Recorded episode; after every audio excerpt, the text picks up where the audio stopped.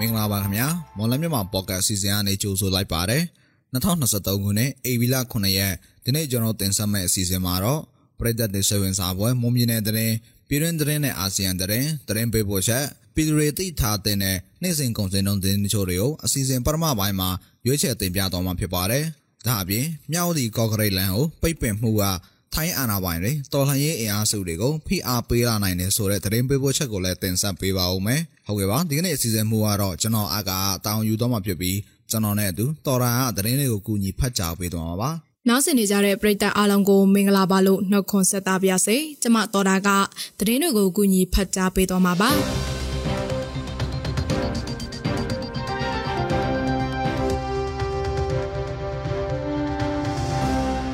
ပထမဦးဆုံးသတင်းပေါ်အနေနဲ့ကြက်မရောမျိုးနဲ့ကြုံွယ်ကျွော်အုပ်စုမိခွန်ကြောက်အင်းကျေးရွာရှိ အခြေခံမူလတန်းကျောင်းမှာအေဗီလာ9ရက်မနက်ပိုင်းမှာ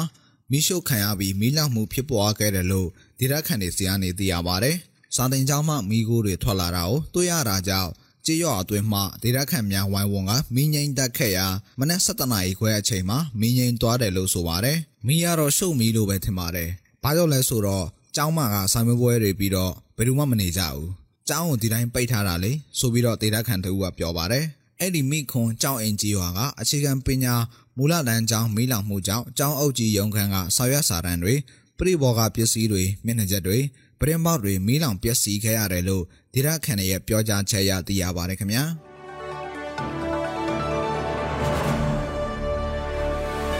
ကရင်ပြည်နယ်အတွင်းက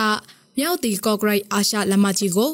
ဒီကနေ့ဧပြီလ9ရက်နေ့မှစပြီး23ရက်နေ့ထိဖြတ်တန်းတော်လာခြင်းမပြုဘူးလို့မြေပြင်ပူပေါင်းစစ်ကြောင်းတွေကပူးသွဲအမိတ်ထုတ်ပြန်လိုက်ပါတယ်။အဲ့ဒီထုတ်ပြန်ချက်ကိုမြေပြင်ပူပေါင်းစစ်ကြောင်းတွေရဲ့အစည်းအဝေးဆုံးဖြတ်ချက်အရထုတ်ပြန်လိုက်တာဖြစ်ပြီးစစ်ကြောင်းမှု9ဦးဒုစစ်ကြောင်းမှု2ဦးဖြူဟာမှု2ဦးနဲ့တပ်ရင်မှု2ဦးတို့ကလက်မှတ်ရေးထိုးထားတာပါ။ ကော့ကရိတ်မြို့နယ်နဲ့မြောက်တီမြို့နယ်အာရှလမ်းမကြီးတစ်ချောင်းတိုက်ပွဲတွေဖြစ်ပွားနေပြီးအထိတ်နာနေတဲ့စစ်ကောင်စီတပ်ကမြောက်တီကော့ကရိတ်အာရှလမ်းမကြီးမှာတစ်စိရက်သားပြည်သူတွေရဲ့ကားကိုအုံပြုပြီးလူအေအားလက်နက်ခဲယမ်းနဲ့စားနပ်ရိက္ခာတွေကိုပို့ဆောင်နေတာကြောင့်လို့ထုတ်ပြန်ချက်မှာဖော်ပြထားပါတယ်။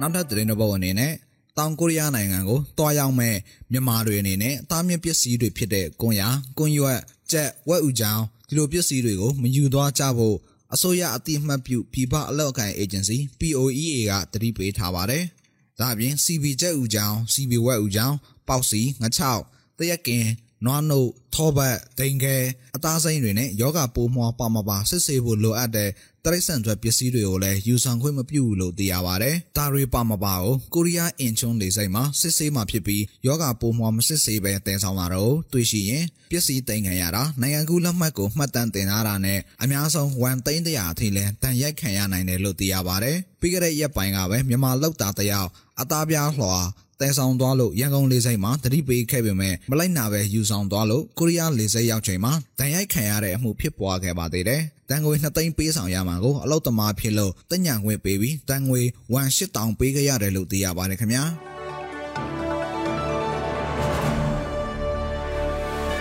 စစ်ကောင်စီကပေးခဲ့တဲ့ရက်ပိုင်းအတွင်းကခရိုင်တရားသူကြီးအပါအဝင်တရားသူကြီး19ယောက်ကိုတာဝန်မှအနာပေးခဲ့တယ်လို့နေပြည်တော်တရားရေးနဲ့နှိဆက်သူတွေကပြောပါတယ်။ ခရိုင်တရားသူကြီးနဲ့မြို့နယ်တရားသူကြီးအပါအဝင်ဥပဒေအရာရှိတချို့ရဲ့ငွေကြေးရယူတဲ့ကိစ္စတွေကိုစစ်ကောင်စီနဲ့တရားလွှတ်တော်ချုပ်ကိုတိုင်ကြားခဲ့တာကြောင့်တာဝန်မှအနာပေးခဲ့တာလို့တရားလွှတ်တော်ရှင်နေသူကပြောပါတယ် စစ်တပ်ထောက်ခံသူတွေနဲ့အမှုတဲ့တချို့ရဲ့တိုင်ကြားမှုကြောင့်ဒုတိယညွှန်ကြားရေးမှူးတဦးခရိုင်တရားသူကြီး3ဦးမြို့နယ်တရားသူကြီး2ဦးတွားဖက်မြို့နယ်တရားသူကြီး2ဦးဦးစီးအရာရှိ2ဦးနဲ့ဒုတိယမြို့နယ်တရားသူကြီး2ဦးဥပဒေအရာရှိ5ဦးတို့ကိုတာဝန်မှအနာပေးခဲ့တာလို့တရားလွှတ်တော်ချုပ်ရုံးနဲ့နှိဆက်သူတို့ကပြောပါတယ်။အဂတိလိုက်စားမှုတိုက်ဖျက်ရေးကော်မရှင်မှလက်တလောခရိုင်နဲ့မြို့နယ်တရားသူကြီးတွေကိုတိုင်းထားသူတထောင်ကျော်ရှိတယ်လို့တရားရေးဝန်ကြီးဌာနနဲ့နှိဆက်သူတွေကသိရပါတယ်။ ပြီးခဲ့တဲ့2023ခုနှစ်ကလည်းစစ်ကောင်စီကမြို့နယ်တရားသူကြီးအပါအဝင်တရားသူကြီး34ဦးကိုဝန်ထမ်းအဖြစ်မှထုတ်ပယ်ခဲ့တဲ့ဖြစ်စဉ်လည်းရှိခဲ့ပါတယ်။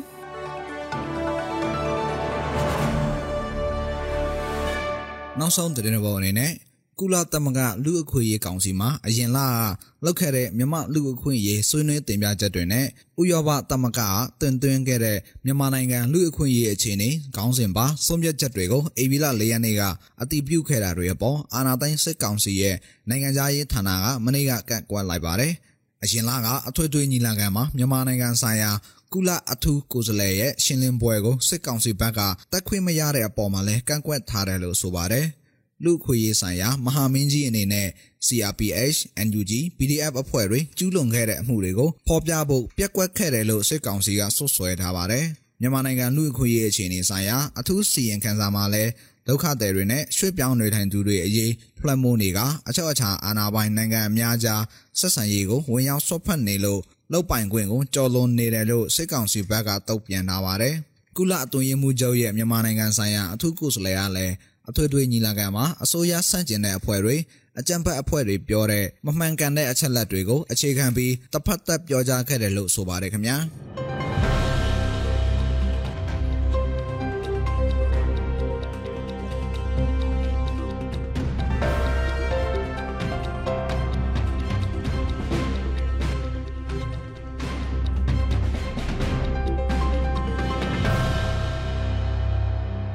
ပြည်သူတွေသိထားတဲ့နေ့စဉ်ကုန်စည်နှုန်းသတင်းတချို့တွေကိုမော်လမြိုင်ကုန်စည်တိုင်းကအချက်လက်တွေကိုအခြေခံပြီးကျွန်တော်အားကတင်ဆက်ပေးပါဦးမယ်။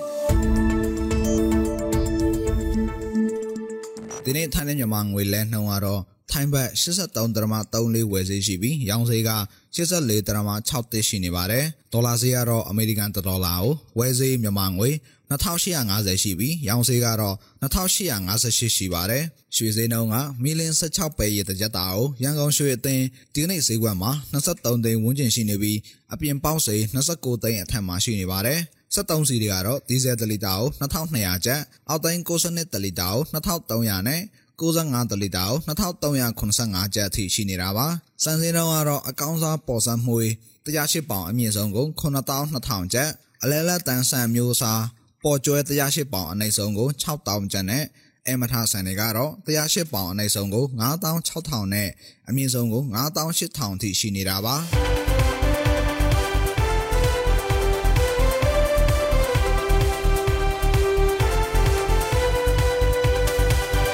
တင်ဆက်ပေးသွားခဲ့တာကအေဗီလာ9ရက်နေ့မှာဖြစ်ပျက်ခဲ့တဲ့မုံမြင်တဲ့တဲ့ပြည်တွင်းသတင်းနဲ့အာဆီယံသတင်းတွေအပြင်တနိဒာစီစေးငွေစင်းနဲ့ကုန်စည်နှုန်းတွေကိုတင်ဆက်ပေးသွားခဲ့တာဖြစ်ပါတယ်။ဆက်လက်ပြီးတော့မြောက်ဝတီကော့ကရိတ်လန်ကိုပိတ်ပင်မှုကထိုင်းအာဏာပိုင်တွေတော်လှန်ရေးအင်အားစုတွေကိုဖိအားပေးလာနိုင်တယ်ဆိုတဲ့သတင်းပေးပို့ချက်ကိုစတောင်းသစ္စာကတင်ဆက်ပေးပါဦးမယ်။ ကရင်ပြည်နယ်မြောက်ဝတီကော့ဂရိတ်အာရှလမ်းမကြီးကိုဖြတ်တန်းသွားလာတွေလောင်ဝမပြူလောက်ဖို့တော်လန်ရဲ့အားစုတွေကထောက်ပြန်တဲ့အပေါ်ထိုင်းဘက်ကဖိအားပေးလာနိုင်တယ်လို့ကရင်မျိုးသားဒီမိုကရက်တစ်ပါတီဥက္ကဋ္ဌမန်အောင်ဘီဆိုကပြောပါတယ်။ကော့ကရိတ်မြို့နယ်နဲ့မြောက်ဝတီမြို့နယ်အာရှလမ်းမကြီးတလျှောက်တိုက်ပွဲတွေဖြစ်ပွားရရှိနေပြီးအယက်သားပြည်သူတွေအနေနဲ့ ဒီကနေ့ AB 9ရက်ကနေစပြီး AB 23ရက်နေ့အထိဖြတ်တန်းသွားလာတာမပြုလုပ်ဖို့တော်လန်ရဲအားစုတွေကထောက်ပြန်ခဲ့တာပါဖြစ်နိုင်ပါတယ်။ကြရကုန်ရည်ပိတ်ဆို့သွားတယ်ရပ်တန့်သွားတယ်ဆိုလို့ရှိရင်တော့ထိုင်းကတော့ဟိုငြိမ်နေမှာမဟုတ်ဘူး။အာဖိအားပေးတဲ့သဘောမျိုးလီမောင်းစုံနဲ့ပေါ့လေပဇာနဲ့ပဲဖြစ်ဖြစ်ဘာဖြစ်ဖို့အာအဲ့လိုဖြစ်လာနိုင်ပါတယ်ဟိုဟိုဟာအဲဒီလိုပိတ်ပင်တာမျိုးသူတို့ကတော့မကြိုက်ဘူးလေသူတို့ကစီးပွားရေးနိုင်ငံကြီးကို အဲ့ဒီပိတ်ဆို့မှုကြောင့်ထိုင်းမြန်မာကောင်တော်ရေးခရီးသွားလာရေးတွေပေါ်ထိခိုက်မှုရှိတယ်လို့လည်းမန်အောင်ပြည်စိုးကပြောပါတယ်။အာရှလာမကြီးတလျှောက်ဖြစ်ပွားတဲ့တိုက်ပွဲတွင်စစ်ကောင်စီဘက်ကအယတာပြည်သူတွေရဲ့ကားတွေကိုအတောင်ပြုပြီးလူရင်အားလက်နက်ခဲရနဲ့စားနပ်ရိက္ခာတွေကိုပို့ဆောင်ရရှိတယ်လို့ထောက်ပြန်ချက်မှဖော်ပြထားပါတယ်။ ပြီးခဲ့တဲ့ဧပြီရက်နေ့ကထိုင်းနိုင်ငံမဲဆောက်မြို့တွင်စစ်ကူတရန်တွားခဲ့တဲ့တရကာကွယ်ရေးတပ် PDF တောင်ဦးကိုထိုင်းလဝကမှဖမ်းဆီးပြီးစစ်ကောင်စီဘက်ကိုပြန်လည်ပို့ဆောင်ခဲ့တဲ့ဖြစ်စဉ်တွေလည်းရှိခဲ့ပါတယ်။မြောက်ဝတီကော့ဂရိုက်အာရှလာမကြီးကိုဖျက်ဆီးမှုပိတ်ပင်တာကြောင့်ထိုင်းအာဏာပိုင်တွေကတော်လှန်ရေးရအစုပေါ်ဖိအားပေးမှုကအများကြီးမတက်ရောက်နိုင်ဘူးလို့မြန်မာနိုင်ငံရေးလက်လက်တောင်တသူဦးတန်းစိုးနိုင်ကပြောပါတယ်။ ဒီတော်လှန်ရေးရအစုတွေအတဲ့အခိုင်အတန့်ကိုရောက်သွားတဲ့ရအစုချို့ကတော့ကျွန်တော်တို့ဖန်ကြီးယူမှုခိုင်းရမြစ်ဖြစ်ပါတယ်။သူပြီးခဲ့တဲ့ရဲချို့ကပဲ PDF ဖွဲ့ဝင်၃ယောက်ကိုကျွန်တော်တို့ဖထိုင်းနေကြဆောင်တပ်တွေက BGF ကိုလွှတ်ပေးတဲ့အတွက်တပ်ဖြတ်ခံရတဲ့ကိစ္စမျိုးရှိပါတယ်။ဒါပေမဲ့တပ်ဖွဲ့တစ်ခုလုံးနဲ့လှုပ်ရှားမှုတစ်ခုလုံးကိုလာရောက်ပြီးတော့ ဟောနော်နောက်ချက်ဖြစ်တဲ့နော်တဲ့အောင်မှုမျိုးတော့မဖြစ်နိုင်ဘူးလို့ကျွန်တော်ဒီဘဝအဖြစ်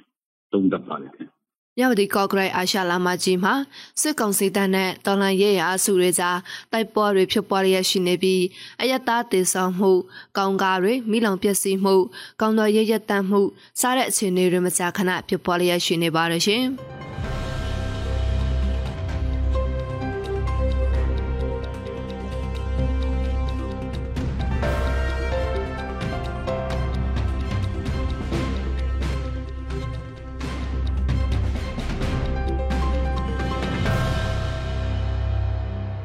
တို့ရဲ့မွန်လန်းမြန်မာပေါ့ကတ်အစီအစဉ်ဒီမှာတင်ပြီးဆုံးပါပြီ။နောက်ဆင်ကြတဲ့ပရိသတ်အားလုံးကိုနောက်နေ့အစီအစဉ်တွေမှာဆက်လက်အားပေးကြပါအောင်လို့ဖိတ်ခေါ်ရင်းအစီအစဉ်ကိုဆုံးသတ်ပါရစေ။အားလုံးကိုကျေးဇူးတင်ပါတယ်ရှင်။